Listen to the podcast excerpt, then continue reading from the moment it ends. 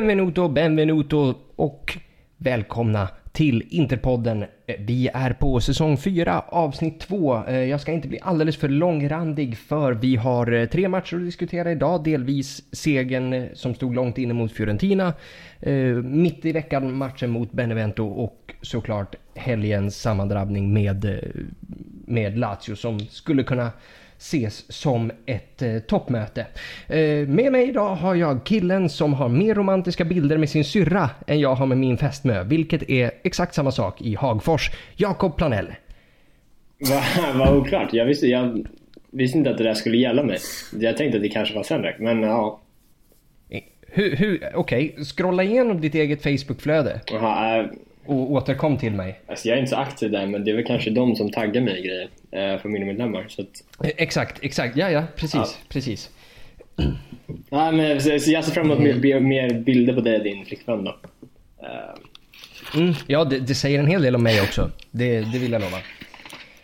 Och i andra ringhörnan så har vi mannen, Djurgården P13s huvudtränare huvudtränare. Sendrak Prieto. I fan vad svag alltså.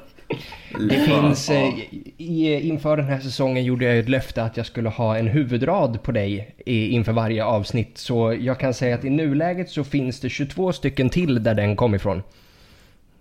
Ja, så valde du den sämsta så tidigt in på säsongen alltså. Om du tror att det här är den sämsta så oj oj oj oj oj oj. oj. Jag tror verkligen det. Det, det, det, fin, det finns ett gäng riktigt, riktigt billiga rader. Ja, ja, men det är bra det. Eh, det kommer mina grabbar uppskatta för de lyssnar ju lite då och då. Så att... Precis, och det är för er skull mina vänner. Så du får tänka på vad du säger Hampus. Ja, absolut. Det, mm. När har jag, jag någonsin sagt något opassande? det känns som att varje avsnitt börjar med exakt de här orden. Ja, alltså jag måste ju, för jag är lite så här smårädd för att, tänk om typ Djurgården skulle lyssna på det här. Och jag liksom sitter och garvar åt Hampus sjuka humor. Så Men de lyssnar väl inte på det här? Garvar... De är väl fullt upptagna med att käka ostron och dricka champagne? Ja, jo. I och för sig, men vem vet? Kanske vill ha lite underhållning när de käkar skiten. Nej, men så jag tar avstånd från allt Hampus säger, okej? Okay? Även fast ja. jag garvar. Stånd. Haha. Uh, vi ska prata fotboll idag är jag, är jag mm. ganska bestämd på i alla fall. Och vi ska ju då börja i eh, matchen mot Fiorentina. Eh, och ni båda två tippade ju segrar i, eh, i förra avsnittet medan jag tippade ett oavgjort.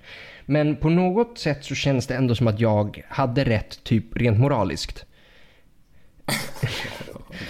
För... alltså, ja, jag håller ju verkligen inte med. Nej, nej, nej, nej, nej. Um, Men det var väl inte den här typen av matchbild vi hade hoppats på, eller hur Jakob?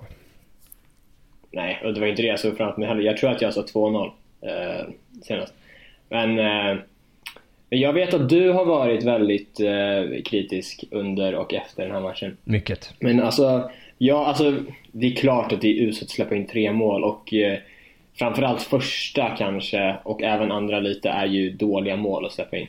Uh, men uh, alltså, man ska, man, jag tror man måste komma ihåg någonstans att det här, det här har ju varit en rekordkort uh, försäsong. Hur många träningsmatcher har spelat? Två eller tre?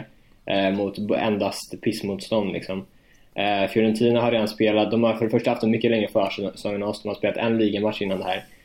Um, jag tycker inte att det är orimligt att uh, det inte ser liksom att allting inte klaffar liksom. Och den backlinjen vi ställer upp med ju, eller den trebackslinjen är väl den offensivaste trebackslinjen eh, som man har sett nästan. Alltså, Kolarov såklart eh, förflutet som vänsterback. Bastoni har ju spelat en väldigt offensiv eh, mittback till vänster innan. Och Dambrosio då är ju också en ytterback i grunden.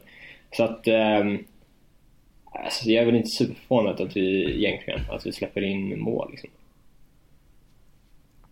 Sendrak, delar du den analysen?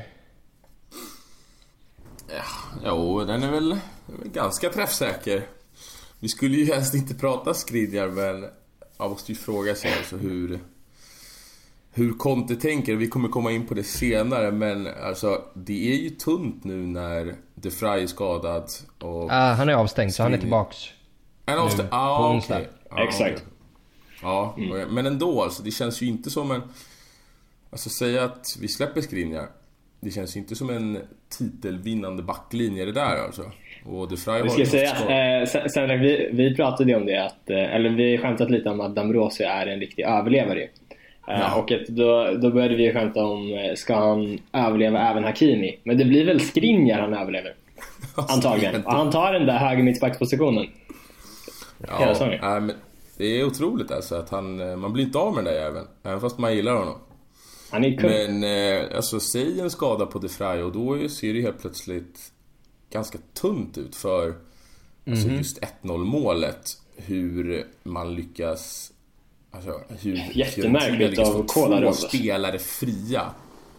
Alltså mitt framför målet. Det är ju liksom, det är som att de inte har koll på sina roller i de där lägena. Alltså vem som ska täcka yta och vem som ska gå upp i duell.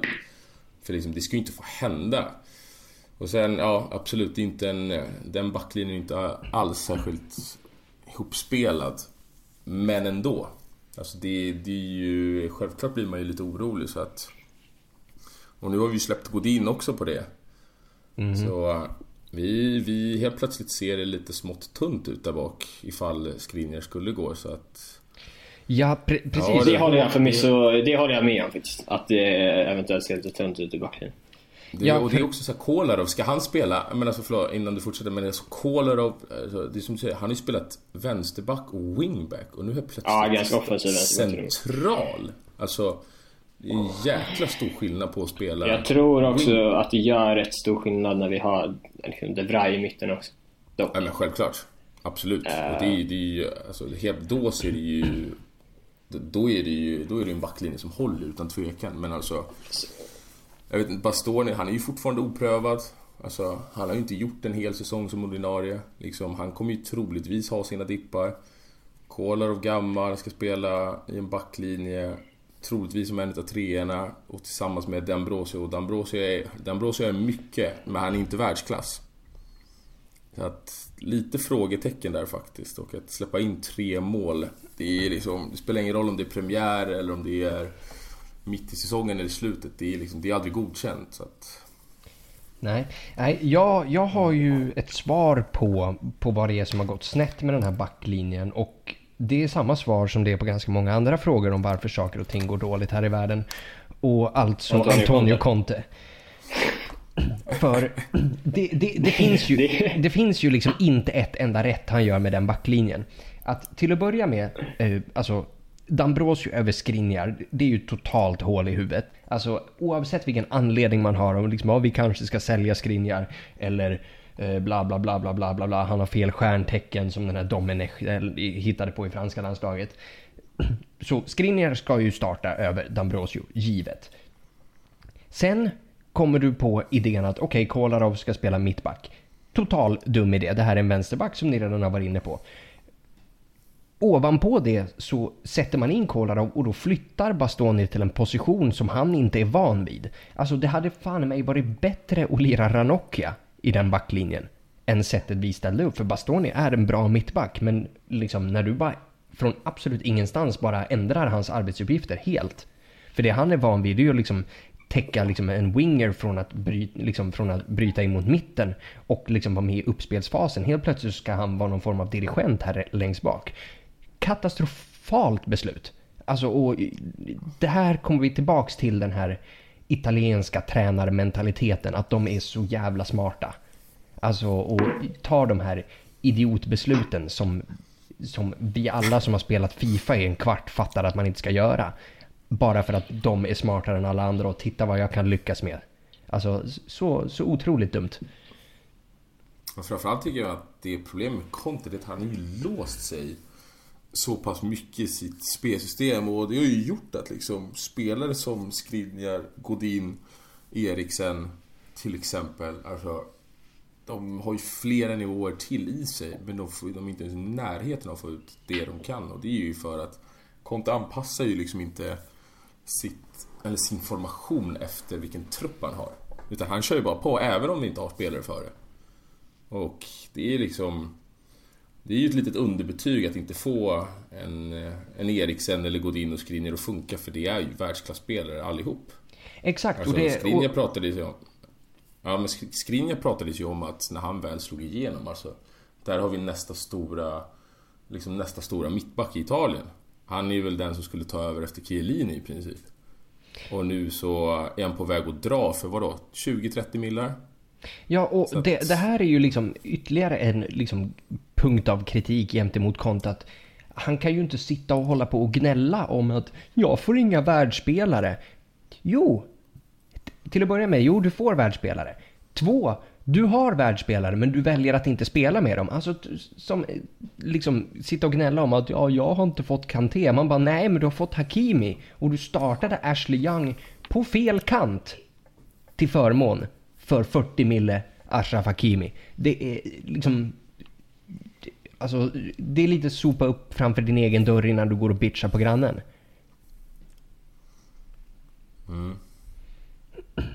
Men men, eh, vi, vi ska inte liksom bara sitta här och vältra oss i mitt kontehat hela programmet. Eh, vi hade lite debuter för nya spelare, om en, om en kort för vissa av dem. Men eh, Alexander Kolarov, Arturo Vidal, Ashraf Hakimi debuterar, för, debuterar i Intertröjan. Eh, Senrak, deras insatser. Det lilla vi hann se då. Oj, allihop. Ja, Ja, eller välj någon av dem så kan vi ju passa det vidare till... Ja. eh, Så kan vi passa Ja, runt kan vi det. göra till Jakob. Till födelsedag Jakob. Vad fyller du år? Hur mycket fyller du? Alltså, jag vill inte prata 20. om det. Jag vill, jag, alltså, jag vill inte prata om det. det Är det 20? Nej. Vad är, vad är det för 90? Alltså, jag, jag, jag har på riktigt åldersnöje. Du är 98 va? Ja, exakt. Så 22 då? Oj, oj, nu är det över Ja. alltså. Ja, jag hoppas... Ja, men, det är det, jag säger, det, det är det jag säger. Det Ja, jag hoppas att du har dina Västerbro. papper i ordning för nu... Nu kommer han snart, liemannen här. Ja. Västerbro. Så är det. Eh, nej men Hakimi. Han är lika det? gammal som mig. är det så? Ja, det, Ja, han är också 98. Kanske finns hopp för dig ändå Jakob? Ah, Eh, men vad heter det? Jag, jag sa att han skulle bli en potentiell nyckelspelare för i år och han, eh, han gör mig inte besviken om man säger så. Alltså, är det bara jag som drömde lite om eh, nästa Maikon där med det där bytet? Alltså det drömde Alltså, vi om, han- alltså redan när vi såg honom dundra oss i arslet mot Dort, liksom för Dortmund, redan då tänkte vi alla det liksom. Eller det Jo, var, fast det de var lite mer, det var nästan mer... Ja, men det var nästan mer, alltså, det, den insatsen eh, som han gör för Dortmund mot oss, det påminner lite grann typ om Bales insats mot. Maikon. Ja, exakt. Så, Exakt. och nu Ja, har vi exakt. honom Ja, och så- alltså, då, då, var, det- alltså, då var det väl ändå ingen som liksom vågade drömma om att vi skulle kunna plocka in honom. Nej, för alltså, fan. alla, alla räknade med, väl med att eh, Real skulle ta tillbaka honom. Exakt. Ja, nej alltså... Alltså, du, du, till och med du Jakob måste ju erkänna att alltså, Hakimi skapade ju mer än Kandreva har gjort på alla sina år i, eller under alla sina år inte. Alltså den där, Du- de där tio minuterna fan. Ja, det, det, det är helt felaktigt att jag får en, bara för att jag tyckte att Kandreva gjorde en bra säsong förra året. Så är det, det är fortfarande felaktigt att alltså, Du hade ju säga att valt jag är Kandreva någon som före tycker att Hakimi. Kandreva är en otrolig spelare. Vad sa du? Jag sa att du hade valt Kandreva före Hakimi i alla fall. Helt klart. Det hade, ja, det hade Konta också egentligen. Men. Exakt. Och så, och så tycker folk att jag är negativ. Det här är ju Eller- fullkomligt sant. Ja, nej men alltså han ser ju otroligt intressant ut alltså. Vilket jävla anfallsvapen han kan bli. Alltså äntligen en spelare. Ja men alltså, fan, alltså spel där det händer någonting. Alltså det ja, han är händer löjligt var- snabb. Alltså löjligt. Och assisten han Ja. gör är ju superklass också. Ja men alltså när hade vi en spelare sist som faktiskt var här? Alltså, jag kan knappt komma ihåg det. Keita Balde. När hade vi en spelare som... Ah, Ja, Snabb var verkligen. han. Ja men alltså på riktigt nu. När hade vi en spelare, alltså vi hade ju ingen i trippel eller Maikon i och för sig. Eto'o. Ja. Nej, men vi, vi har verkligen inte haft överflöd på uh, snabba spelare. ha- Nej, och alltså Eto'o, jo, Eto'o var ju ändå inte det i, alltså trippelsäsongen så var han ju Fast inte, framförallt- inte som Hakimi alltså. Nej, verkligen inte. Alltså inte den förmågan att ta sig förbi sin eh, gubbe liksom, att slå sin gubbe. Så tycker jag inte Men alls. Haki- Hakimi, alltså hans siffror, han är ju en av de snabbaste spelarna i världen. Liksom. Ja, Han hade men ju det snabbast eh, maxhastighet i Bundesliga förra året va? är sant. Eller var, eller var det Champions League till och med? Det Fan vad trevligt. Ja, det ja. måste ha varit mot oss säkert. Han sprang 80 runt Biragi. Ja, var det, var det inte Ja. den här eh, Alfonso Davis som slog något sånt rekord i Bundesliga också. Ja, var- kanske. Det, men det är väl de två eh, i alla fall. Ja men alltså sist man kommer ihåg någon sån spelare som verkligen, där det hände något hela tiden, det var ju Adriano. Alltså det är den senaste jag kommer ihåg. Som det verkligen så här, oj varje gång man får bollen så blir det anspänning, du vet att... Lite stökig jämförelse måste jag säga. Men, eh, Ja, men jag, det jag menar är alltså känslan av att det kan hända någonting nu. Alltså Ibra. Alltså jag menar... alltså, ja, eller det är liksom det är bra spelare däremellan. jag vet inte. Ett tå också. Ibra- Ja, verkligen Eto'o. 100% Eto'o. Nej, Alltså, jag tycker inte Eto'o heller. Alltså Eto'o krävde, Eto'o krävde ju mer att han. Det var, Han hade ju. Ja, men han, han är ändå så här, han behövde ändå få bollen och sätt. Hakimi känns som att han bara kan ta den och bara springa igenom allt. Lite samma med Adriano. Jag vet inte. Jag tycker lite som eh, typ, ge bollen till Mané eller Salah. ja, jag säger ge bollen till. Osimhen. Ja jävlar. Nu kommer han alltså. En assist. Det var en Fan. fin assist faktiskt. Noll mål av sex. Jävla sopa alltså. Ja, mot Fan, ett lag som visar sig ha covid, typ hela laget. Eh, Det fick vi upp i Men, nyheterna eh, nu eh, för Men, någon men Sandrak, du, du såg ju inte matchen. Jo, jo. Det är klart. Gjorde du det? Vad fan vad tråkigt. Aldrig i livet jag gjorde det. Ja, bra. Eh, vadå då? Var han bra eller? Ingen aning. Den såg okej ut. Jag såg alltså- matchen. Alltså Osimhen alltså. Jag har sett skitmånga som sa att han såg bra ut. Men skitsamma. Ja, du vet. Känslan Jakob. Det är därför. Ja. Sandra kniva alltså. Yes. Eh, Jag, jag, tänkte, jag tänkte att vi tar den liten av, lilla avstickaren nu när, vi har, nu när vi pratar om Napoli här. För Genoa har vi fått upp i nyhetsflödet nu för, för en liten stund sedan bara att eh, åtta spelare i Genoa har testats positivt för covid-19. Det är ju lite oroväckande. För det höjer ju frågan, vad händer nu då? Du menar ifall de, stä, ifall de fryser ligan? Ja, Oj, ja du alltså. Fan alltså, jag tror inte de... Kan de verkligen göra det alltså? Har de verkligen Jag tror inte de kommer göra det alltså. Jag tror inte heller alltså. nej, låt oss definitivt hoppas på det. Jag blev rätt, Ja. rätt Alltså, det, är, men oroad det, när jag såg är, det är knas sånt där. Alltså, det där kan ju hända... Alltså så här, det kan ju verkligen förstöra ett lags säsong ju. Om man skulle fortsätta utbrott. Ja men ta Milan det nu som saknar, som saknar Ibra på grund av det här också. Det är ju ett jätteavbräck för dem. Ja men precis, men det är ju gre- grejer eftersom det liksom är ett jävla virus. Så kan, så kan det bli så att ja, hela laget drabbas samtidigt. Vad, vad gör man då liksom? Ja, ja. Ställer man Eh, ut Ambrosio. Han gör det, alltså själv. det brukar ju räcka alltså. Ja, bevisligen. Ja. Fan, han gör mål igen alltså. Ja, Jakob, eh, det Kultspelare. lilla vi fick se av Arturo Vidal. Mm. Det såg skitbra ut ju. Ja, jag tycker också Eh, det.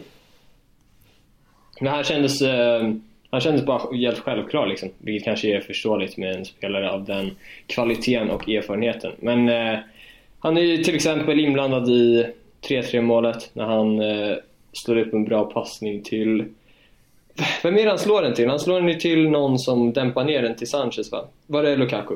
Det måste vara så. Tror det. Uh, och sen innan den där chippen till Hakimi. Eh, men... eh, nej men alltså, han, som sagt, han ser självklar ut i allting. Han, alltså, det ser ut som... Han kliver in i det här laget och tar för sig direkt. Vilket man förväntar sig också. Men jag tror att det kommer, bli- han kommer bli skitviktig. Just eftersom vi har också, som bekant, Antonio Conte som tränare och ehm, han, eh, han dör för sina rollspelare. Jajamensan. Om Och, vi tänker på den här billiga replikan då. Nangolan. Han såg ju nästan rädd ut. Han var usel tyvärr. Men nu, det har ju men kommit så- hur mycket rapporter som helst nu om att han inte vill vara kvar heller för att han inte accepterar den här eh, reservrollen som han då liksom oundvikligen kommer få. Eh, om Men jag han tyckte bara man såg i hans ögon, alltså han såg ju liksom, han såg ju nästan rädd ut. Aldrig sett Jag tyckte, alltså. så, jag tyckte han kändes lite ointresserad. Alltså, eller som att han inte riktigt... eh, Jag tyckte som att han inte riktigt brydde sig. Alltså, fan, han, han var ju slarvig självförtroende. i passningsspelet, snabb, slarvig i liksom sina bolltouch. Det var... Ja. Märkligt sätt. ja, och det är ju en oförberedd väldigt, det är en väldigt underlig inställning för en snubbe som honom att ha. Liksom. Alltså att han har ju mer eller mindre gjort bort sig som fan hos oss. Killen är väl 31-32 nu.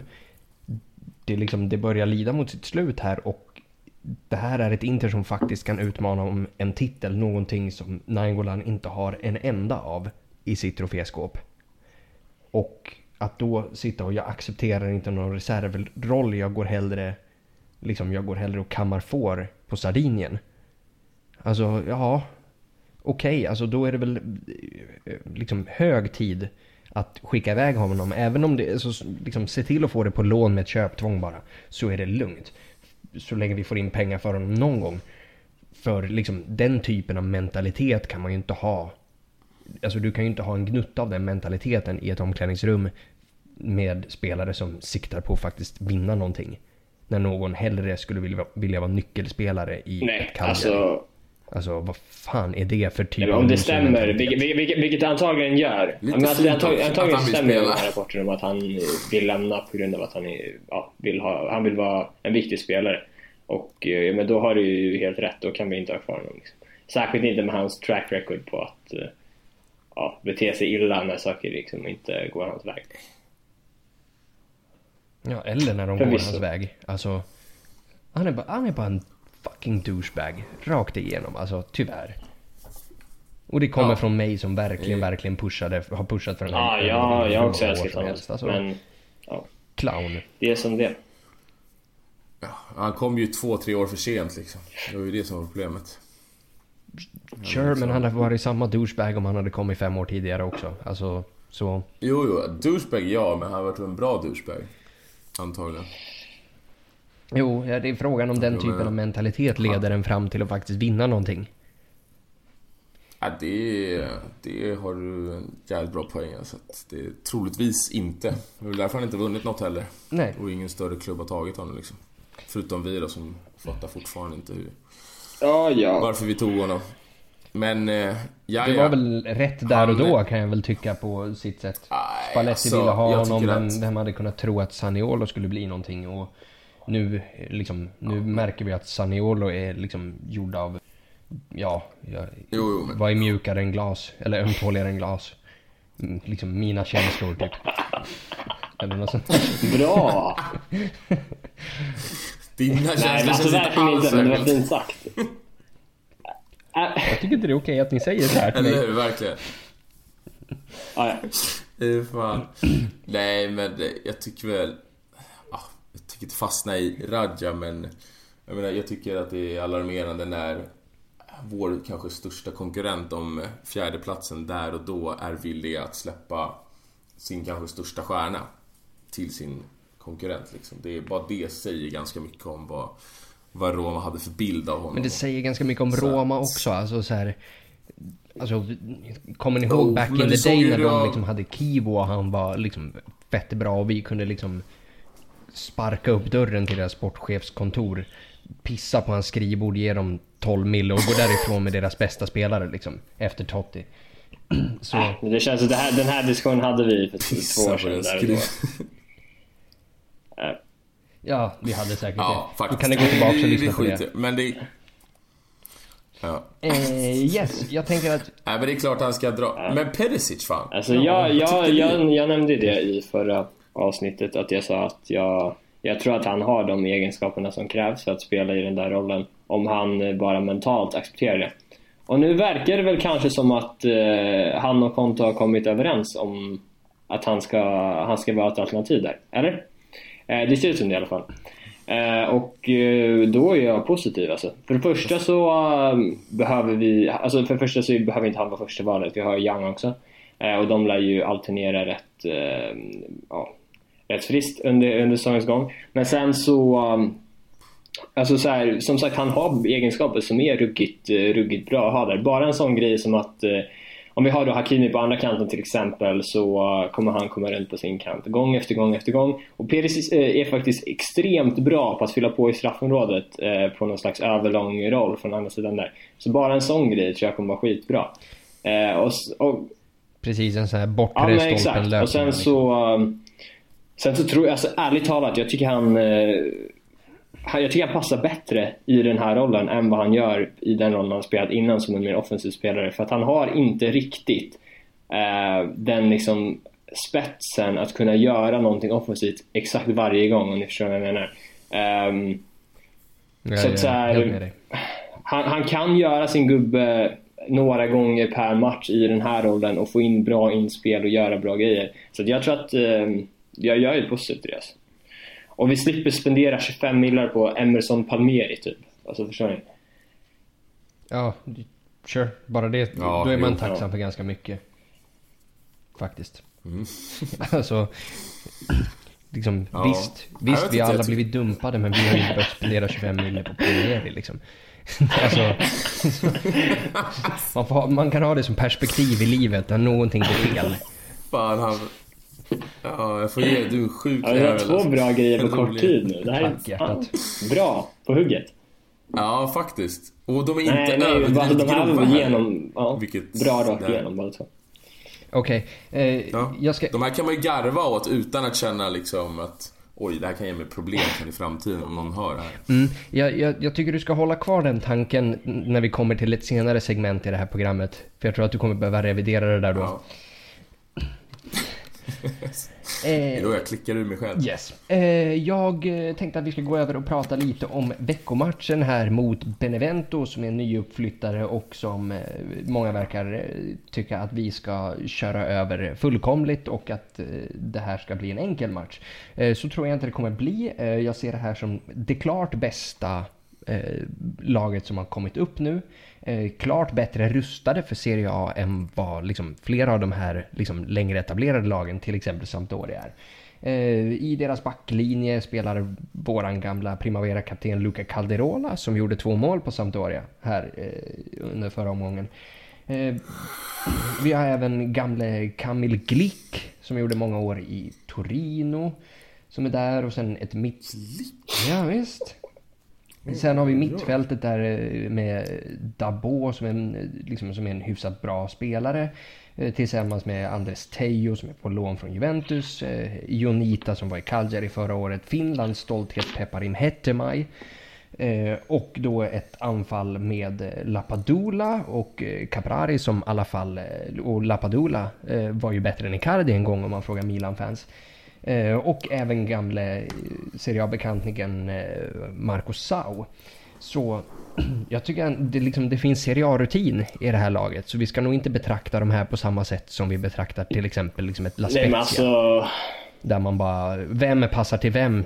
Passar till vem fan då? Och någon liksom. nej men de, jag tror också att det kommer bli tuffare än vad de flesta kanske förväntar sig. Alltså, det, det, är ju- det är ju ett mått i alla fall på någon slags styrka att vända ett 2-0 underläge till 3-2 borta liksom. Eh, även om det är mot Sampdoria. Eh, så att jag, jag tror att de nog kan vara, vara rätt bra. Pippo som tränare också. Så att, eh, Just det. ja. Den riktiga. alltså- ja. Riktiga insiderbrorsan. Ja, ja på, på, på, plan, på planen i alla fall. till skillnad från.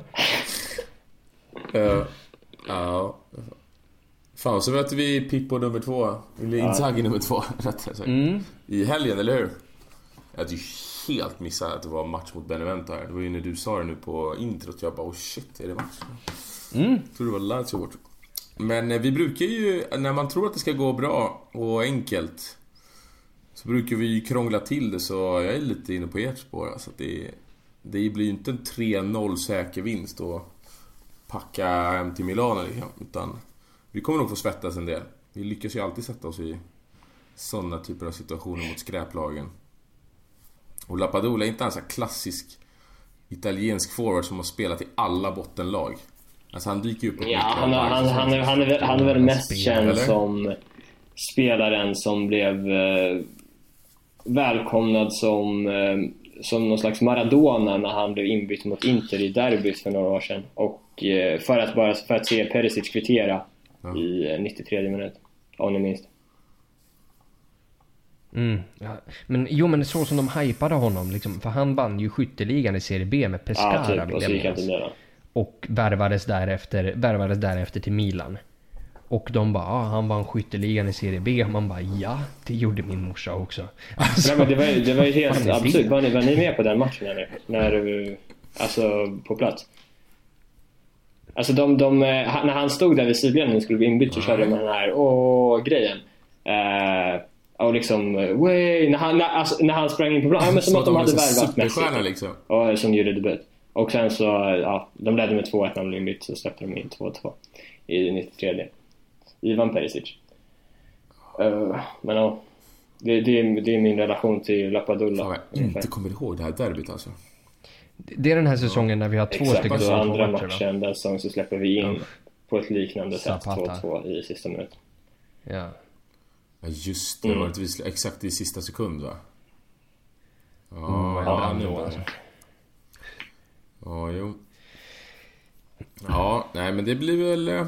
Så om vi säger så här Sendrak, om eh, hur, eh, eftersom du nu fick reda på att vi skulle spela den här matchen för typ 20 minuter sedan.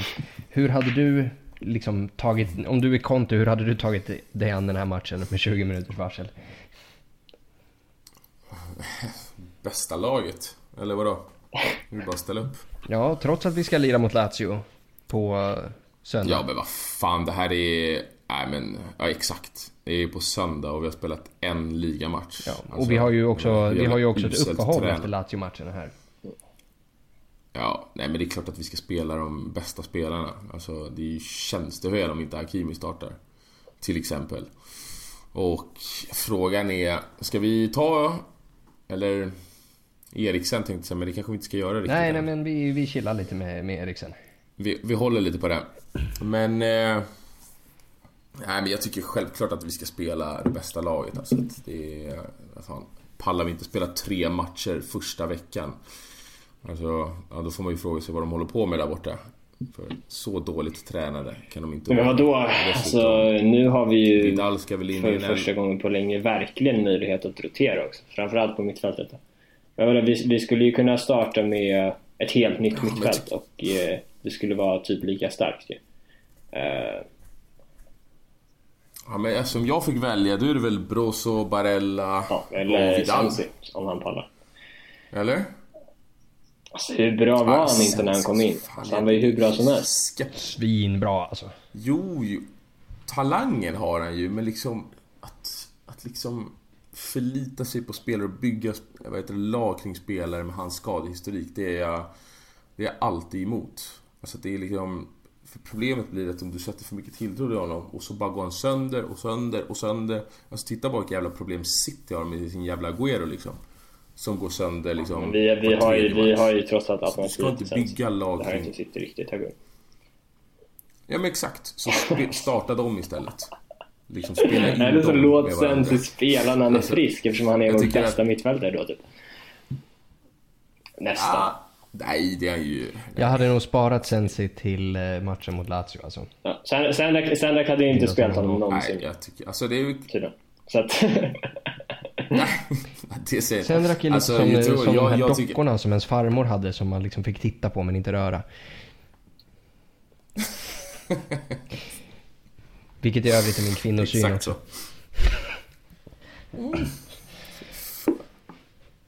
så. Kom Till skillnad från Cristiano.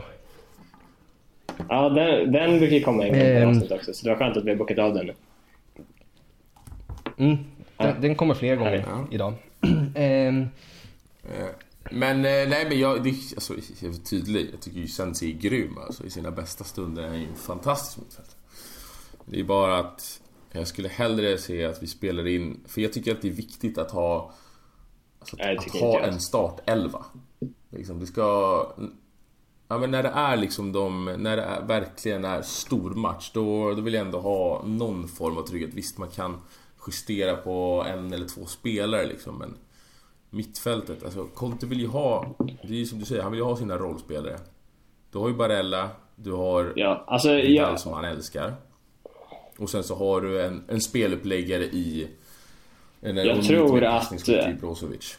Alltså jag det- tror att i, eh, så som du säger, när det är stor match, när de elva bästa så att säga ska spelas, då tror jag att eh, de som du nämner, eh, och då tänker jag framförallt på Barella och Vidal då i längden när han har kommit in i gruppen och så vidare, kommer vara givna tror jag. Men sen den tredje platsen tror jag är lite up for grabs och så.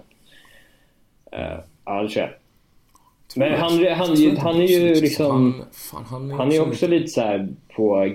Alltså dörren är på glänt för honom liksom. Det lär ju inte komma ett bud nu sista veckan. Men du förstår vad jag menar? Alltså han är ju inte... han är inte självskriven i projektet liksom. Ja. Så att... Eh, ja. Jag vet inte, jag vet inte riktigt hur jag ska tolka för att han, han är ju kvar liksom hela tiden. Han försvinner ju aldrig. Han hade gärna fått försvunnit med. Alltså hade Sensi varit skadefri, då hade jag ju skeppat Broz åt helvete. Alltså, alla dagar i veckan. Och tagit. Alla dagar i veckan är ju vad många tycker eh, är ju liksom antalet dagar som vi borde slå Benevento enligt många. Vad tror ni om eh, slutresultatet? Jag tror vi vinner 2-1. Med en mål av... Jag tror... Eh, eh, eh, Lapadula gör ju mål, såklart. Eh, sen så för oss gör väl Sanchez och Perisic. Ja, nej, jag, jag tänkte också säga 2-1. Jag står väl fast vid det. Och eh, Lukaku gör mål på straff. Och... Eh, Sensi, bara för det. Nej men då, då ska jag vara den positiva då. Då säger han 4-0 seger. Fan, det brukar Eh, aldrig för sluta bra när du säger ha- så här. Alltså du är den sämsta tipparen i historien Hampus, alltså på riktigt. Noll, Okej. noll logik bakom det jävla Oj, prosit. Fuck you. Eh, Ena gången torskar vi med... Alltså ena gången torskar vi med 100 0 nästa vinner med 5000. Fan. Jävla skit alltså. jag hade faktiskt 10 rätt på stryktipset den här veckan så käften. Är det sant? Mm. Sant? Ja. Det gav 170 spänn men Fan vad oväntat att du... Fan vad oväntat att du stippar Ja, men det är faktiskt och alla jävla grejer. jag, jag vet. Jag vet, ja, ja, ja. Det, det är mest för att jag brukar vara lite lätt uttråkad lördag morgon. Så då spelar jag. Det är, en rekommendation jag kan dra till alla lyssnare. Att om ni har tråkigt, spel och gambling är Försöker du, försöker, försöker du ragga sponsorer? Precis. Bet 365 alltså, det är bara kom. Vi är alldeles, vi är alldeles för stor, eller vi är alldeles för små för dem liksom. Vi får ju börja med något så här, liksom sitta och greasa upp Ja, typ kasinostugan eller något så här fattigt. Ja, riktigt vidriga. Jackpot Alltså, det, ja, alltså det, här, det här är typ nu när jag känner mig att jag vill ta avstånd. Ja. Jag tycker, jag tycker vi drar till Malta grabbar. Ja, alltså vi. är öppna för all form av spons. Alltså bettingföretag, vapenproducenter, Epsteins ö, allt.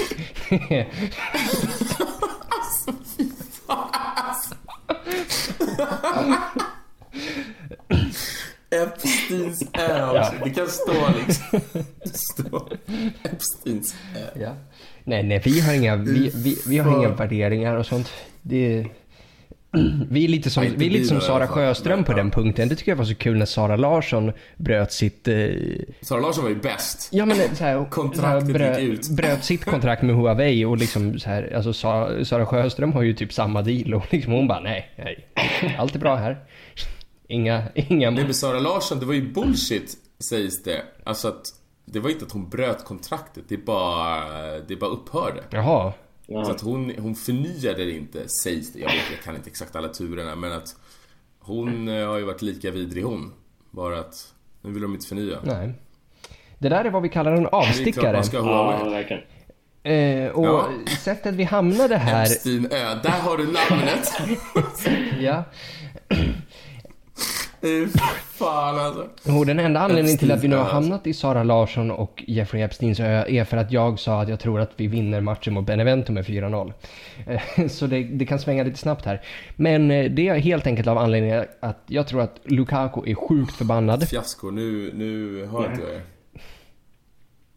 Men jag ska inte vara lika dum och skrika hallå rakt ut. Nej. Men nu vet ni i alla fall, jag hör inte er. Ja. Eh, Ja, nu hör jag. Säg då. Ja, bra. Hörde ni mig? ja, eller? tyst nu så jag får hitta ett bra läge att komma tillbaks. Det andra nästa jag skrek hallå. Nu är det... Klassiker. Ah, ja. eh, Nej, eh, anledningen till att jag eh, tror att vi vinner med så här pass stora siffror är för att jag tror att Lukaku är sjukt förbannad på sig själv för de missarna han gör eh, och samtidigt som Benevento eh, inte riktigt kommer palla med honom fysiskt. Så han kommer sätta två stycken hyfsat snabbt och sen måste de gå framåt och då kommer det kontringar på liksom, kanterna där. Så då säger jag Hakimi och eh, Barre kanske kan få dundra in. Barre, härligt. Så 4-0. Alltså jag gissar att han försöker, att det är Barella han pratar om. Gissar. Ja. ja. Ah, Barre, jaha nu... Okej. Ja. Jajamensan. Eh, vi, det är ju lite tidigt att gå in på Lazio-matchen så här tidigt under säsongen. Men jag tänker att vi, liksom, vi kan kika lite på dem eh, i alla fall bara, bara i all hast. Lazio eh, som gjorde en jävligt bra höstsäsong förra, eh, förra säsongen och en eh, aningen eh, skakigare vår.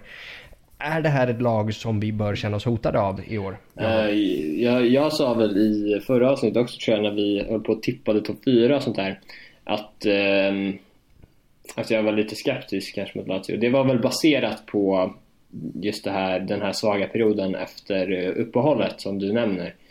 Eh, men så här, oh, fan, de hade väl, alltså hur har de, de har inlett säsongen bra trots allt va? Visst har de det? Um, jag har inte det... De vann ju ja, sin första i alla fall. Jag framför mig. Jag är på väg att ta fram dem nu. Um, ja, precis. De vann med 2-0 mot uh, Cagliari. Ja, det är väl inte... Anmärk... Det är väl inte... Nej, exakt. Det var det jag pratade lite om också. Men alltså så här, det, det, är klart, det, det, är klart det är ett tufft lag att möta. Vänta. De har ju kvar, de har ju andra sidan kvar liksom sina spelare. De är kvar i Immobile, de har kvar Milinkovic Savic. Uh, Luis Alberto, ja, Correa och de här killarna. Exakt. Uh, så det, Däremot så rent... Shit, alltså, sms sen, alltså. Dock får vi ju säga att rent, rent historiskt nu, liksom, i alla fall modern historia, så har det ju gått ganska bra mot Lazio. Bortsett från förra säsongen va? Tycker jag alltid Bortsett, vi, slog, slog vi inte dem förra säsongen? Nej, jag tror vi kryssade väl hemma och torskade borta. Jaså du? Eh, vi torskade borta 2-1 va? Young gjorde mål, sen vände de. Vill jag minnas. Jag tror att Lautaro har, någon, har, en, liksom, har en volley eller något så här. Var det året innan? Det var mot Napoli året innan tror jag. Ah, okej. Okay. Ja men det är ju inte jättemånga rätt på mig där. Napoli året innan. Nej, men jag tycker alltid vi har svårt med Lazio. Det är ju ett av de lag man liksom nervös Jajamensan. Eh, jag tänker att vi, vi hoppar helt enkelt att eh, tippa resultat mot Lazio i och med att det bara har gått en match och det är så pass eh, ja, långt framåt. Det är svårt att... Precis, eh, det ger inte så himla mycket helt enkelt. Eh, så därför så lämnar vi då eh, matcherna och vi går in på vårt nya segment, veckans hyllning och veckans sågning. Där vi då lyfter fram något positivt från veckan och något negativt. Så vi börjar helt enkelt med veckans hyllning. Veckans hyllning. Jajamän, jajamän. Eh, den här veckan så hade jag tänkt ägna den här hyllningen åt att säga att det finns en man. En man som vi alla kan se upp till. Som har varit väldigt viktigt i att forma oss till de männen som vi är idag. Det är en fader, en broder, en vän och ja, ibland en älskare för oss alla. Jag pratar förstås om Piero Ausilio. Och Ausilio är ju något av en livscoach för mig. Eh, lite av en guru kan man säga. Så det senaste året så, så har jag levt efter Ausilios mötesfilosofi. För jag vet inte om ni eh, var aktiva i halvtid här mot Fiorentina. Men då gick ju han ut och berättade att man har haft ett möte med eh, Tottenham om Milan Skriniar där man har berättat för Tottenham att vi inte har några planer på att sälja Skriniar. Alltså har man då flugit en representant från London till Milano, välkomnat honom in i konferensrummet, hällt upp ett glas vatten och sagt vi har inga intressen av att göra affärer mer. Eh, och det här har... Genidrag, visst. Så det här har verkligen inspirerat mig och det är så här, det är efter den här filosofin jag har levt det senaste året. Eh, så jag tänkte, jag tänkte ge, ge lite exempel på hur jag har levt här eh, i min vardag med inspiration från Ausilius helt poänglösa möten som han bokar in.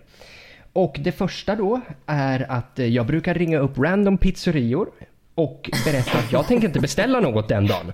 Ausilio style. Jag brukar springa in i panik på polisstationen och sparka upp dörren och när alla poliser frågar vad är det som har hänt så säger jag nej inget. Ausilio style. Jag skriver till alla brudar jag matchar med på Tinder att jag inte vill dejta någon för jag är redan upptagen. Ausilio style. Jag brukar öppet exklamera på middagsbjudningar att jag måste gå och skita. Men när jag kommer in på toaletten så sitter jag bara där en stund. Ausilio style. Och när jag spelar för Manchester United så brukar jag åka till Las Vegas och lura med mig en full brud upp på mitt hotellrum och sen inte våldta henne för jag är inte Cristiano Ronaldo. Ausilio style. Så veckans hyllning går alltså till Piero Ausilio och hans fantastiska mötesteknik. Tack så mycket. Ja. Alltså gud Hampus, fan du har ju satsat för mycket här. Alltså, jag kan inte hålla på med veckans sågning här. Fan. Det tror jag definitivt att du kan. Du har, du har det här i dig. Så vi går direkt in på veckans Ja men jag kan sågning. börja med en till veckans hyllning. Din, eh, din veckans hyllning. Fan vad bra du, och mycket tid du lägger ner på det här. Visst. Det, alltså, Lite för mycket ja. tid känner jag. Alltså, jag tycker, var, var, det där, var det där verkligen en hyllning? Jag tycker du ska, jag tycker du ska ta... Det är klart det är en hyllning. Han är, han är ju Det det. filosofiskt Nej, alltså jag menar från Sandrak. Ja. Alltså till dig. Ja. Till mig? Ja, Jag filosofiskt är också geni ett filosofiskt geni. Vad fan Eller tror hur? du Det Jakob? kän- Vad känns lite mer som att Sandrak eh, ifrågasatte vad Hampus gjorde med sin tid. Men eh, Nej, men... ja, Det kanske var jag som hade det så. Det är en hyllning alltså. Jag tycker... Alltså det fanns delar. Nej men alltså jag tycker inte att du har så många bra exempel här. Kommer man själv. Äcklad Alltså, jag beundran. ta- Det är den känslan jag går efter. Jag tycker du ska ta både hyllning och sågning i eh, framtiden. Du, Ja, du är ja, det- Du det beror på man två har som vi brukar säga. Vad sa Visst. du? Eh, vi går direkt in på. Veckans sågning. Veckans sågning. Eh, Fy fan vilken press alltså. Börjar, börjar svettas lite. Nej men eh, värvningen av Eriksen. Och alltså jag älskar Eriksen. Jag vill vara tydlig med det. Men fanns det ens någon plan för honom? För alltså den matchen han gör nu mot Fiorentina, den är, alltså den är ju faktiskt, den är, den är dålig helt enkelt. Han ser inte ut att vilja någonting. Conte ser inte ut att tro på honom.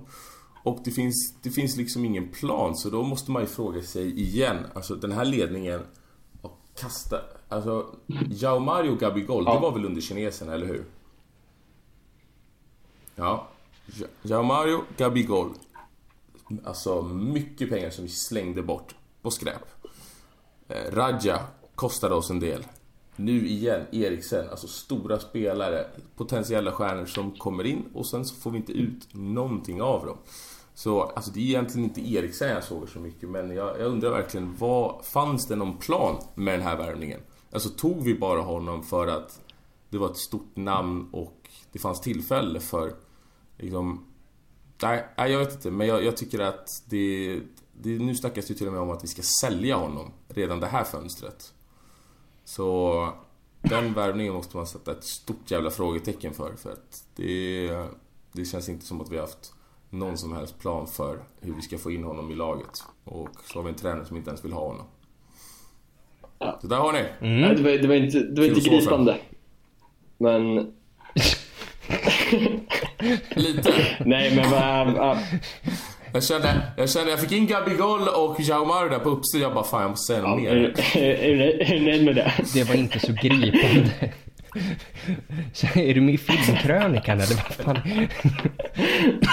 Eller hur? hörru? Jag skojar. Kulturprofilen Eh, alltså. Nej men vadå, i Så sak så eh, det, håller jag ju med dig. Det, det, Kulturprofil, det har fått en helt annan innebörd nu. ja det, det har det verkligen. Eh, men eh, om vi ska återgå till det som faktiskt sades eh, och inte liksom det stilistiska bakom det. Ja, skitsamma. Så tycker jag att det är klart man kan, måste ifrågasätta värvningen av Eriksen. Det har ju verkligen inte blivit... Eh, som någon av oss har förväntat sig. Eh, förväntat, eh, eller jag hade, fan, jag, nu, jag, kan, jag har verkligen inte talangskapa, det är tydligt som fan. Men eh, vi ser ju till, vi ser ju när Sensi kommer in till exempel och eh, det är väl den mest lika rollen eh, i alla fall på det mittfältet eh, och eh, han är ju klasser bättre eh, av att döma bara av den här matchen. Så att eh, ja, ett fan. Det kommer bli, det kommer bli tufft för Eriksen om han fortsätter så här. Men eh, fan, jag tror Conte sa det ordagrant också efter matchen att eh, det är klart han, han, han kan inte gå ut och kritisera Eriksen för mycket öppet men han säger det att det är en kvalitetsspelare så det är klart det kommer finnas användning för honom under säsongen. Men eh, ja, det är ju tydligt att han är långt ifrån ett första val. Liksom. Ja, och han ser inte ut att vilja någonting heller. Alltså, det ser inte ut att vara någon jag tycker också han ser, ja. Han Nej, jag, tycker också, jag, jag, kan också störa mig på att han, han, det brinner inte om honom liksom. Nej, men och det är inte, alltså, det är inte så att det han har väl inte varit hans... Ja, förlåt. Nej, fortsätt. Ja, men det har väl inte varit hans spelstil heller liksom. Alltså så här, Nej, men, exakt. Eh, Lite som fan, men det, är så här, ja, det, det, är klart, det, det, det, finns ing, det finns ingen riktig angelägenhet kring att... Eh, eller han utstrålar i alla fall inte det, att eh, liksom vilja vända på den här eh, på den här situationen som han har hamnat i. Så det är, ja, jag håller med, det är frustrerande som fan. Ja, men han känns, det känns bara jobbigt allting. Jag känns lite här smått deprimerad, du vet. Att det är bara, ja jag måste göra det här. ja, men lite som att han tycker synd om sig själv typ. Ja, men det är som att han liksom, han fastnade där efter efter Champions League-finalen för då var han väl, ja men, topp 5 in i mittfältare i Europa. Kan man väl ändå säga. Ja. Och då, han hade ja. väl tänkt liksom, ja men han hade väl ändå tänkt att han skulle liksom, för att hans kontrakt var utgående och han tänkte liksom, nu hamnar jag i Barca eller Real. Och det känns inte som att han har hämtat ja. sig efter det. Alltså att ända sedan den finalen så har han egentligen varit en skugga av sitt forna jag. Så att, Nej, jag, jag vet inte liksom. Vad, vad, vad, ska vi göra med honom? Alltså, är det läge att faktiskt sälja honom nu? För vad är, liksom, vad är poängen med att ha en spelare som är så dyr på bänken och sen inte använda honom? Alltså jag tycker att det är svårt det där för att å ena jag sidan så... Jag vill ha kvar honom och ge en chans. Jag jo, men, jo men precis. Men, alltså så här, men... det är, I och med att det är en så pass egentligen bra spelare så... Um, så, alltså så här, man kan ju inte liksom bara slänga ut, alltså man kan inte ge upp honom är det jag försöker säga. Alltså, ja, inte än i alla fall. Jag vill inte heller Nej, nej det, är, alltså, det är verkligen för tidigt för det. Alltså hur länge han har varit här? Han har varit här en halv säsong. Mm. Um, ja. Men alltså det som, det som är liksom ändå som oroar, det är ju som du säger, alltså, han, han verkar inte desperat heller och vilja visa något. Alltså jag menar Nej. efter den, det skithalvåret han hade i Tottenham då kan man ju ändå tycka liksom så här, ja, nu kommer jag till en ny klubb, ett nytt land. Nu jäklar ska jag visa dem. Nu ska jag visa varför. Det är, det är, det är en extrem skillnad i eh, liksom, kroppsspråk på, på Sanchez då, till exempel. När, när han kommer in. Han, han är ju, det är ju det som man har, eller ändå grejen man har älskat med honom. Med. Att varje gång, han, har ju, han har ju haft en roll som inhoppare. Liksom. Men varje mm. gång han har kommit in, då har, han fan, då har det fan brunnit om honom. Liksom. Ja, uh, han kommer alltid in med en jävla till skillnad från Han kommer in med hela energi hela tiden och liksom kommer in och springer och tacklar liksom. Alltså trots att det är en anfallare. Mm. Och, eh, och sen är rent offensivt så är han också direkt avgörande i, i, i den här matchen till exempel. Han har ju en hockeyassist och en riktig assist. Så ja, eh, jäklar, så Sanchez alltså. Fan kan han bara hålla sig skadefri alltså. Oj, man såg ju tendenser redan förra säsongen. Alltså han, ja, han gjorde ju några riktigt bra första matcher där och så gick han ju sönder direkt. Men... Liksom han, han var ju bra redan i, i Copa America där. Senaste. Och då såg man ju liksom... Att han har det fortfarande i sig. Det är ju bara liksom att han är skadad hela tiden. Jajamensan. Eh, Danmark är ett genetiskt sjunkhål. Det är väl min enda take på, på den här situationen med Eriksen egentligen. Alltså jag gillar ju dansken alltså. Vi har hört Fan, det här har vi också snackat om tusen gånger. Ja, vi har, mm. vi har verkligen Fuck det. Oj, förlåt. Det, det här får du diskutera med, med Jon Sköld nästa vecka. Um, jag tänker att... Han är inte norsk, du vet vad? Nej, men eh, han är en sån här hedersnorsk. Antar jag. Han bor väl där. En hedersnorsk? Om, det nu, ja, om inte det är ett oxymoron i sig. Men... Um, jag tänker att vi ska gå på lite frågor. Uh, och vi kommer hoppa in och ta flera frågor i samma stöt här för det är en spelare och en fråga som är på många släppar. Allt från, eh, från Haider till Ashur till Mohammed och så vidare. Eh, Milan Skriniar. Eh, behålla, sälja. Vad bör vi göra? Vad kommer hända? Låt oss försöka reda ut hela Skriniar-situationen nu. Mm. Det som, eh, det som Ausilio faktiskt sa ju, som du var lite inne på. Eh, eller det var väl Conte som sa det Ja. efter matchen. Eh, att, att, han inte, att, att han fortfarande är en del av Inters projekt. Men om det kommer ett viktigt bud så ingenting omöjligt. Typ Mm. någonting sånt. Eller? Vilket betyder att han är på marknaden. Eh, Till trots vad, Ja, vad Ausilio hade sagt 45 minuter tidigare. Men... Ja. Eh, att man lyssnar på Mm. bud helt enkelt. Men eh, så som... Eh, och det är så här, ja, alltså jag tycker väl det är fair enough. Med tanke på att Conte inte... Alltså så länge man inte rear ut honom liksom så tycker jag att så här, ja, sure. Men, men och rapporterna som har kommit kring själva då förhandlingarna är ju typ att Tottenham har budat 30 plus bonusar men Inter kräver 50 plus bonusar. Och det är ett långt avstånd måste man säga.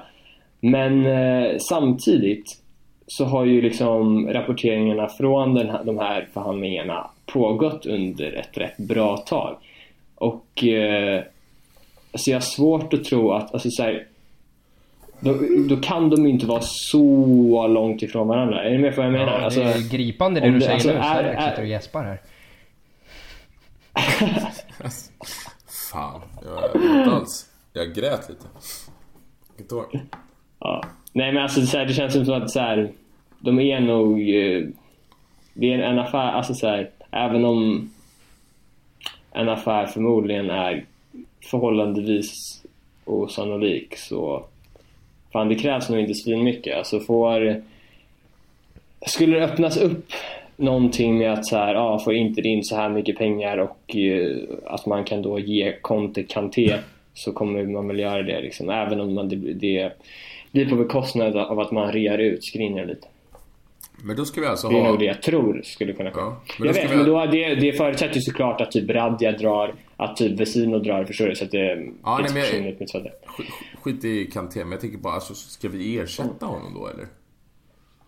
Eller Ja, då är det ju, vad snackas det om då? Småling och Milenkovic och sådär. Ja, och om vi säger... Då är det mest sannolikt att... Milenkovic är en ersättare som jag hade varit okej med för kanske två veckor sedan.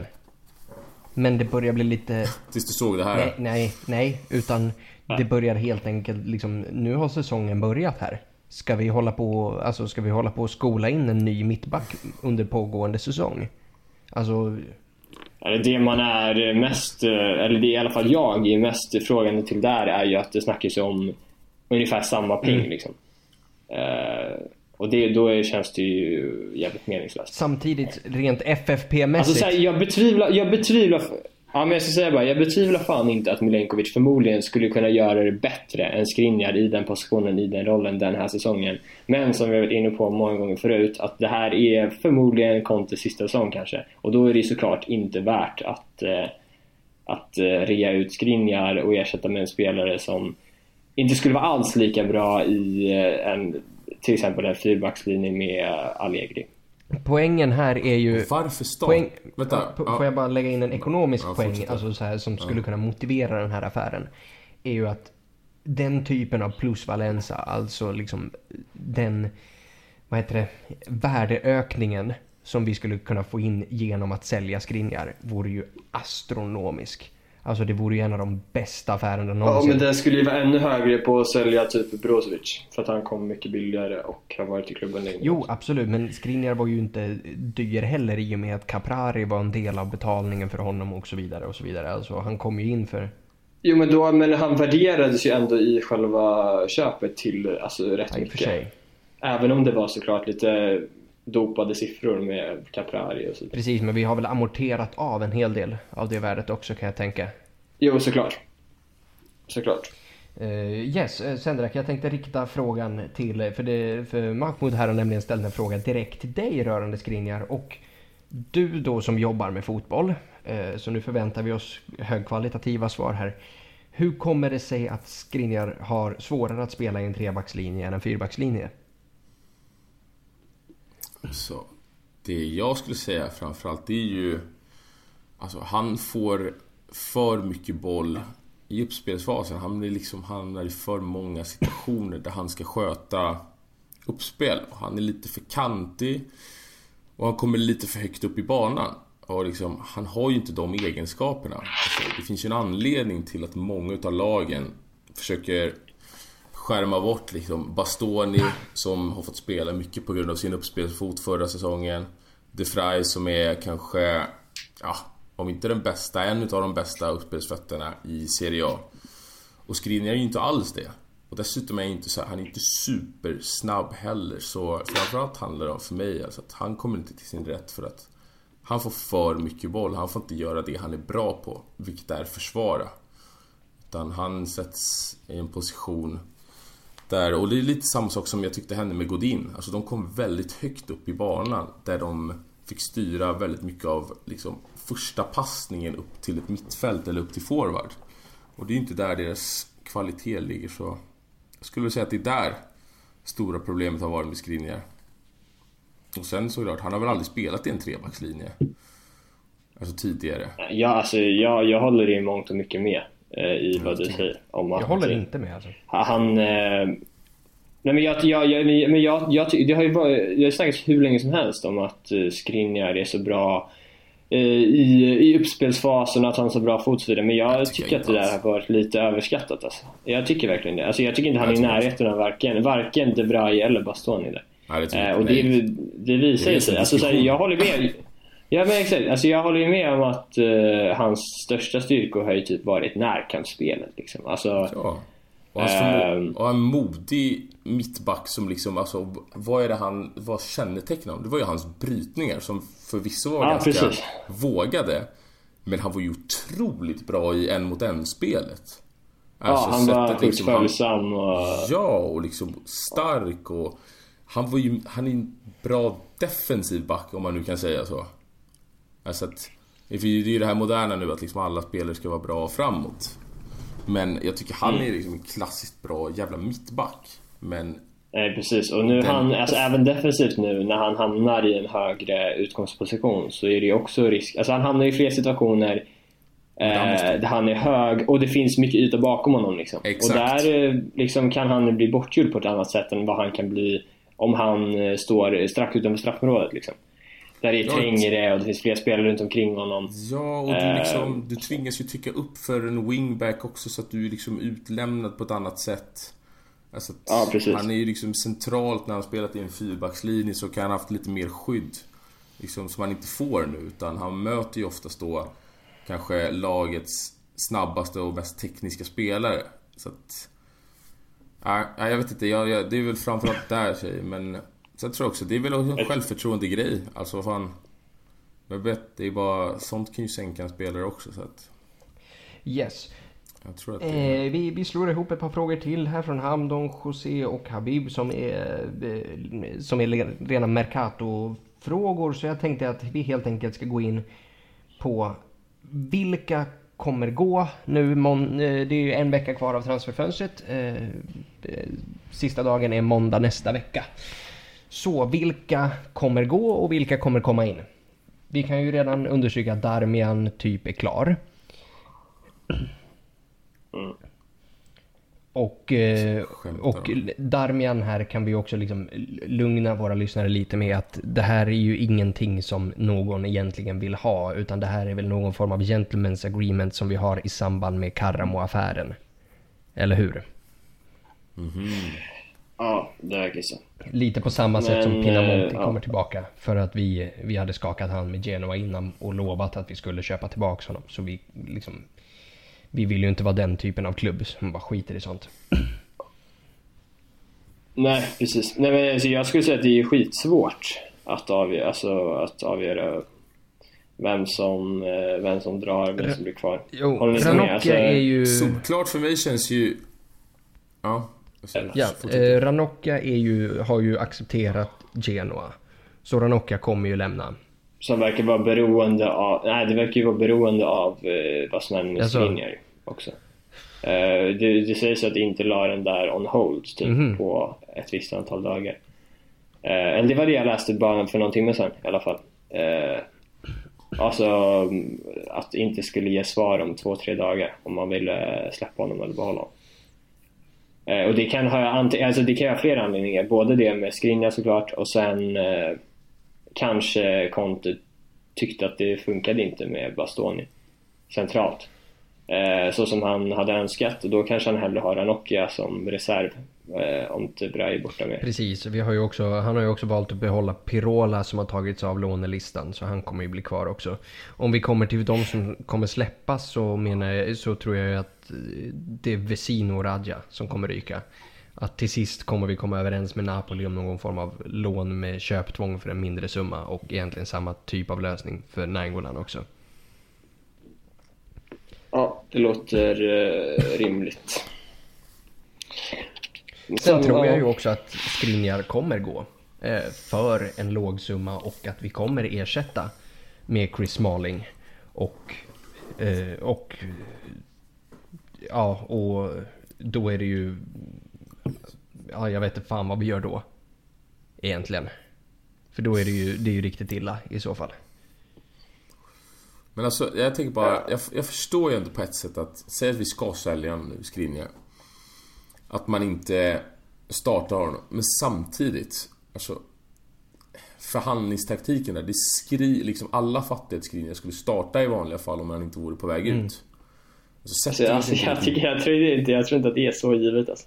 Är det alltså så? ärligt jag, alltså, så här, jag tror ju så, det är självklart, det fattar ju vem som helst, att det är en stor del av beslutet att eh, det pågår förhandlingar om honom. Mm. Men alltså så här, som sagt, jag tror, alltså det var ju så här skämt till en början ju. Men jag tror inte att det är eh, alltså, liksom orimligt att tänka, att tänka sig att Dambrosio väljs före Skriniar. Alltså. Nej, det, det, Ja, nej, det, kanske. Ja, men för jag tänker bara att vi... Och det är klart att Ausilio måste gå ut och säga att han liksom inte är på väg, men... Men när- vi bänkar honom, då är det så här... Tottenham vet ju att de kommer ju kunna ge oss ett jävla skambud, för vi vill inte ha honom. vilket är, vilket är skött det är min sinnessjukt. fråga. Alltså, Dambrosio före Skriniar. Alltså, fan skjut mig bara. Alltså, jag, jag, jag, jag kan lägga ner den här säsongen direkt alltså. Bara... Alltså, alltså, det är så här, alltså, det är klart att Skriniar är en bättre spelare, men det förutsätter att han spelar på rätt position. Och jag, alltså, jag är inte övertygad om att eh, han är bättre på den positionen än vad Dambrosio Jo, är. alltså hela det här snacket om att Skriniar är dålig i en Alltså, trebackslinje. det är klart det finns- Jag, jag köper inte. Alltså, problemet är att han har ju inte varit bra. Men, men, men vad? Alltså så här, okej, ett, ett par misstag här och där. Alla mittbackar gör misstag. Nej, men det är inte det. Nej, fast det där, det där jag tycker alltså, att han pikade ju sin första säsong. Sen har det ju ändå liksom blivit lite sämre för varje år. Fan, lugn nu. Tycker Nej, inte det det? tycker jag inte. Jag, tycker, jag, tycker, jag tycker också att han, vi, jag vet att vi var överens om det i ett annat avsnitt. Ja, sen. jag sa det om, där. att, om, att, om att han eh, hade, det känns som att han stannade av lite under sista året med Spalletti. Ja, och, I alla fall, det var det jag sa i alla fall. Det känns som att hans liksom, kurva eh, stagnerade. Ja, och sen så är inte det så konstigt här att den pekade spikrak uppåt en hel säsong. Så det är väl klart att det kanske inte skulle ha liksom samma Nej, utvecklingskurva. men det, alltså, det, Men- det känns som att liksom, eh, misstagsfrekvensen ökade redan då.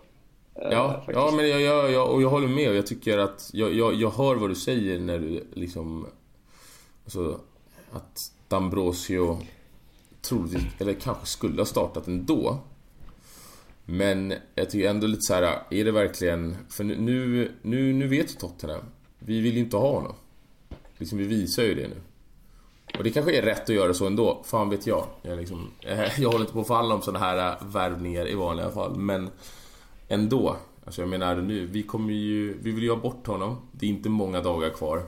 Och det är väl ingen annan som vill ha honom. Mig veterligen. Ja, jag- vet att jag bara känner det på mig att vi kommer släppa honom för, för något jävla underpris och så kommer vi liksom ersätta med, med Smaling eller Rudiger eller något sånt här skit och så kommer vi få liksom äta det här. i hur många år som helst. Nej, alltså jag hoppas ju såklart att han blir kvar och att han används som någon slags truppspelare då den här säsongen och att när då, som vi har spekulerat i, Conte lämnar efter säsongen så kan han återgå till att vara en, en eh, väldigt bra försvarare i en fyrbackslinje. Ja, men frågan är varför man inte liksom, alltså varför kan man inte sätta in Skriniar i den centrala rollen? Exakt, sätt ut De Frey då som är mycket mer spelskicklig. Om det är det, det är där skon. Ja, exakt. Nej. Och så har du Bastoni också. Sen tror jag inte Det är är svinbra i, alltså, i att bli så De Vrij är pass ganska hög heller. Ja, exakt. Jag tror inte heller det hade varit svinbra. Men absolut, alltså, jag, jag, i, så, här, i vissa matcher, eller du vet som så här, ja, i den här matchen då, då hade ju jag ser inga problem med det, men det är, vi, har, vi har aldrig sett Skriniar spela heller i den centrala men, jag, men såklart, på pappret ser jag inte heller några problem med att spela Skriniar centralt, Dambrossi till höger och Bastoni till vänster till exempel nu i helgen. Det hade jag alltså inte sett några problem alls. Men eh, ja, Conte är- tycker ju uppenbarligen annorlunda. Ja men jag menar det är ett jävla underbetyg ändå till Conte att liksom Fan vi får inte igång Skriniar Vi får inte igång eh, Eriksen Alltså jag menar det är som du säger Hampus Vi har världsklasspelare, sluta gnäll liksom Fan det här, du måste kunna göra det här bättre Jajamensan. Vi har hållit på i ungefär 70 minuter här så det börjar bli dags att eh, avrunda för dagen. Eh, vi är tillbaka nästa vecka. Eh, samma tid, samma plats. Glöm inte bort att ni också kan hitta podden på Spotify numera. Vilket är lite mer lättillgängligt än eh, Acast, Podcaster och de här. Eh, stort tack till Jakob och Senrakt. Stort tack till, för era frågor och eh, nu ser vi till att ta eh, tre poäng och går om Juventus som vi, det har vi inte ens nämnt att de spelade ett kryss mot Roma igår, de soporna. Så slutord får bli Forza Inter och Juve Merda.